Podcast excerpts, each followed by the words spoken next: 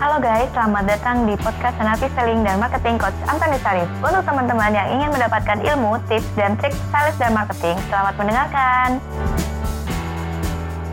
Halo sahabat sales, topik kita kali ini akan membahas tentang uh, gimana sih mengkualifikasi customer yang potensial.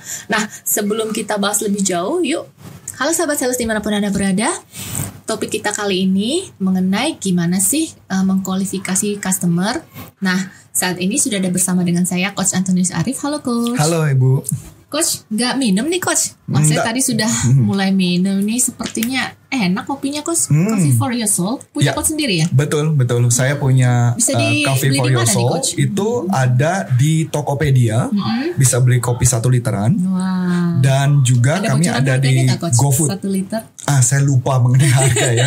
di GoFood juga ada. di GoFood di GoFood itu khusus di area uh, Jakarta Selatan. Mm-hmm. Jadi khusus dari area Jakarta Selatan bisa langsung order ke GoFood Cafe Cafe for your soul. Jadi tulisannya ya. Cafe for your, for your soul. Oh, ya. Oke, okay, okay, sahabat sales ya, ditunggu ya. Okay. nah, sahabat sales, uh, kali ini kita mau membahas gimana sih mengkualifikasi uh, calon customer yang potensial. Nah, seperti itu. Nah, itu gimana ya coach ya? Apakah ada caranya supaya mungkin si sales tuh nggak terlalu lama ya untuk uh, berjualan produknya gitu ya. Jadi dia mungkin harus men-screening dulu customer yang potensial itu seperti apa sih gitu coach. Oke. Okay. Uh, ini saya coba ini kan saya kayaknya di video beberapa video saya saya sudah pernah membahas tentang mengkualifikasi customer. Nah, tapi kali ini saya coba akan membahas dari sudut yang jauh lebih luas nih Bu Ana. Ya. Jadi gini, kita kan ngebahas dari awal dulu ya Bu. Mm. Misalkan contoh lah kita punya bisnis baru. Bisnis baru kita lagi bingung nih, kita mau menentukan mana yang akan kita targetkan. Itu dulu ya Bu ya. Mungkin itu lebih gampang. Jadi gini, kami percaya setiap produk itu ada ceruk pasar tertentu yang bisa kita garap, yang kita bisa masuki. Jadi ada ceruk, ceruk itu niche market, hmm. ada satu ceruk atau celah yang bisa kita masuki. Hmm. Nah ceruk itulah yang kita masuki. Jadi memilih target market. Nah, misalkan contoh kita setelah memilih, saya ambil contoh dulu waktu ketika saya dulu jualan printer, last format printer, saya mencari ceruk pasarnya apa, dan saya temukan ceruk pasarnya adalah uh, target marketnya toko fotografi yang, nah fotografi tapi yang berarti ada spesifik lagi nih bu toko fotografi yang dia jualan untuk wedding, mm -hmm. yang menerima jasa percetakan, cetakan foto yang besar-besar bukan pas.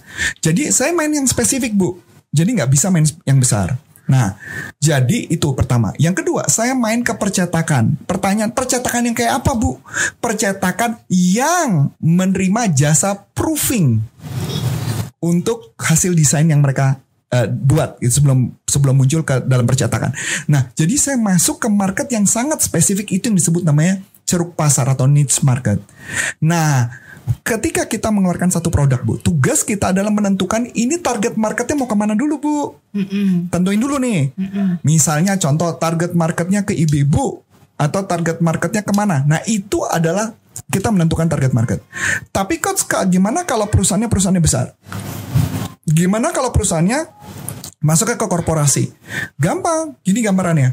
Pilih dulu target market mana yang Anda sangat expert di bidang mana. Yang Anda expert itu yang Anda fokuskan dulu. Nah, setelah Anda sudah fokuskan di sana, masuklah ke target market itu. Uh, target marketnya kita pilih yang mana? Gini Bu, ada berbagai cerita. Kan kita ngomong Indonesia nih. Indonesia kan luas nih Bu. Nah di Indonesia yang luas tersebut, ibu mau masuk yang eh, kota mana dulu? Hmm. Kok kenapa? Kok ditanya pakai kota? Gini ada ceritanya bu. Waktu saya jualan eh, printer Epson last format, saya yang pertama kali yang saya lakukan saya tidak masuk Jakarta. Kenapa? Karena Jakarta kompetisinya sangat kuat banget bu. Jadi saya tidak masuk ke Jakarta. Yang saya masuk mana? Saya akan masuk kota-kota kecil. Kota kecil di dibanding Jakarta ya. Kayak contoh Medan, Surabaya, Jawa Tengah, Bali dan sebagainya. Itu dulu yang saya masuk. Kemudian abis itu baru masuk ke market yang besar. Jadi tentuin dulu bu target market. Kita ambil contoh dunia korporasi. Kalau dunia korporasi siapa yang akan belinya? Siapa target market yang akan digarap? Misalkan, oh kita masuk di perbankan dulu, oh kita masuk di bidang multi level marketing, oh kita masuk ke asuransi, oh kita masuk ke consumer good. Jadi produknya dispesifikan dulu. Nah, kalau misalnya saya ambil contoh, Bu Ana misalkan masuk ke dunia asuransi lah, saya ambil contoh asuransi. Ibu Ana kan sudah lama nih banyak banget customer-customernya di dunia asuransi. Pertanyaannya, ketika ibu telepon ke perusahaan-perusahaan yang asuransi, ibu pasti bisa cerita banyak, betul nggak bu? Cerita apa aja misalnya? Problem-problem sales asuransi apa aja bu misalnya? Yang ibu tahu? Sus, uh, susah jualan, susah mau jualan, nggak mau jalan.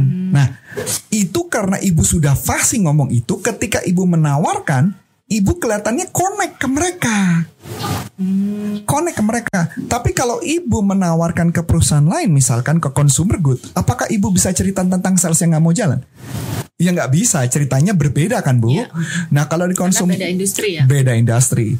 Kalau consumer good berarti ngomongnya apa? Beda lagi. Misalnya sudah datang ke toko-toko, menawarkan di toko, toko bilang saya nggak mau produkmu nggak terkenal. Beda lagi problemnya kan bu. Kalau di asuransi kan nggak mungkin cerita Iya. itu, betul yang bu. Nah, bagaimana kalau kita masuk ke industri misalnya bahan bangunan? Pasti cerita problemnya beda lagi tuh bu, bahan bangunan ya. Ah, barang lo mahal. Ah, ada merek Cina lebih kan gitu bu. Nah, seorang sales yang punya kemampuan itu, dia akan lebih mudah ceritanya. Makanya kenapa tentukan target market yang atasannya pahami, itu yang dibuat jadi ceruk market. Setelah customer sudah ditentukan, target market sudah ditentukan. Berarti berikutnya apa bu? Mengkualifikasi dengan metode BANT bu. Kalau kita masuk ke industri B2B, yang ke korporasi, kita tentukan customer itu punya budget apa enggak.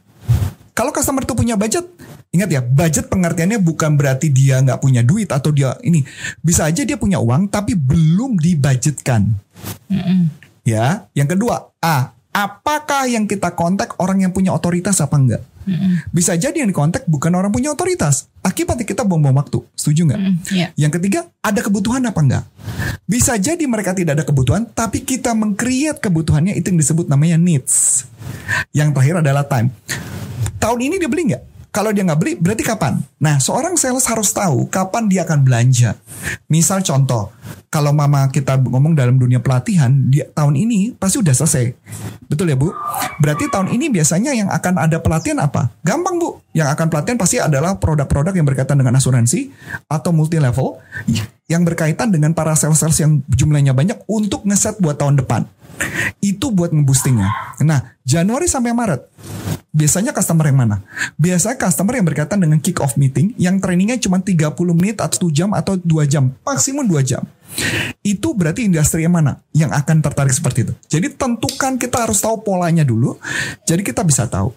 Begitu gambarannya, Bu. Hmm, Oke, coach, ini menarik nih. Jadi eh, berarti seorang sales itu dia kan membantu mengkualifikasi gitu ya, coach ya, membuat kualifikasi. Dia yang menentukan kualifikasi. Yang ditentukan adalah atasan. Iya, nah seperti tadi yang coach bilang, eh, yang coach kan waktu itu pernah berjualan printer gitu ya, coach Betul, ya. printer last format Ah, ah. printer. Nah, Coach Arif itu tahu eh, tentang printer. Tentunya Coach Arif itu sendiri sudah mempelajari produknya, seperti itu ya, Nah, Coach ini ya. pertanyaan bagus ya. Terus, Bu?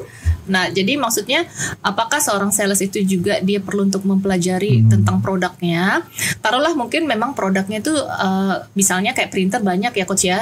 Cuman eh, pastinya setiap perusahaan itu dia membuat produknya itu ada kelebihan.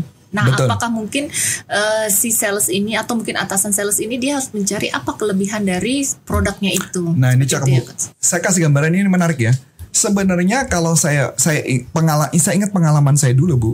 Sebenarnya waktu produk itu diciptakan, kadang-kadang saya menemukan ada dua kondisi, Bu. Satu adalah produk berdasarkan memang mau dibuat oleh baik corporate. Satu produk memang berdasarkan riset, Bu. Hmm, riset kebutuhan customer, maka produknya akan cocok seperti apa. Yang saya temukan di beberapa industri yang saya pernah kerja, saya pernah kerja di beberapa perusahaan, rata-rata produk driven bu, bukan customer driven. Jadi produknya diciptakan dulu, dia bikin pembedanya apa, tapi kita kadang-kadang nggak ngerti ini produk mau dijual ke mana nggak tahu bu. hmm, Jadi memang bersyukurlah kita kalau produk itu sudah di apa customer driven. hmm, Kan kalau customer driven enak bu, keluar dari pabrik, produk itu udah jelas target marketnya. hmm. Ketika dijual kita sudah tahu target market. Gimana kalau kita bekerja di sebuah perusahaan yang produknya nggak ketahuan mau dijualnya ke mana target market? Hmm, nah, ya itu challenge ya. Nah, Nah tugas sales benar kata Ibu Ana adalah tugasnya menggali produk tersebut bagusnya di industri mana yang menjadi ceruk market. Nah inilah yang membuat saya mendapat penghargaan Top Achiever Award Bu. Dan itu yang membuat saya masuk majalah SWA. Karena saya mencoba mendefine ini produk cocoknya di mana. Hmm, padahal produk itu sulit dijualnya tadinya coach ya. Produk itu sulit. eh, jadi gimana ya? Kita harus melihat sih produk ini bagusnya di mana sih.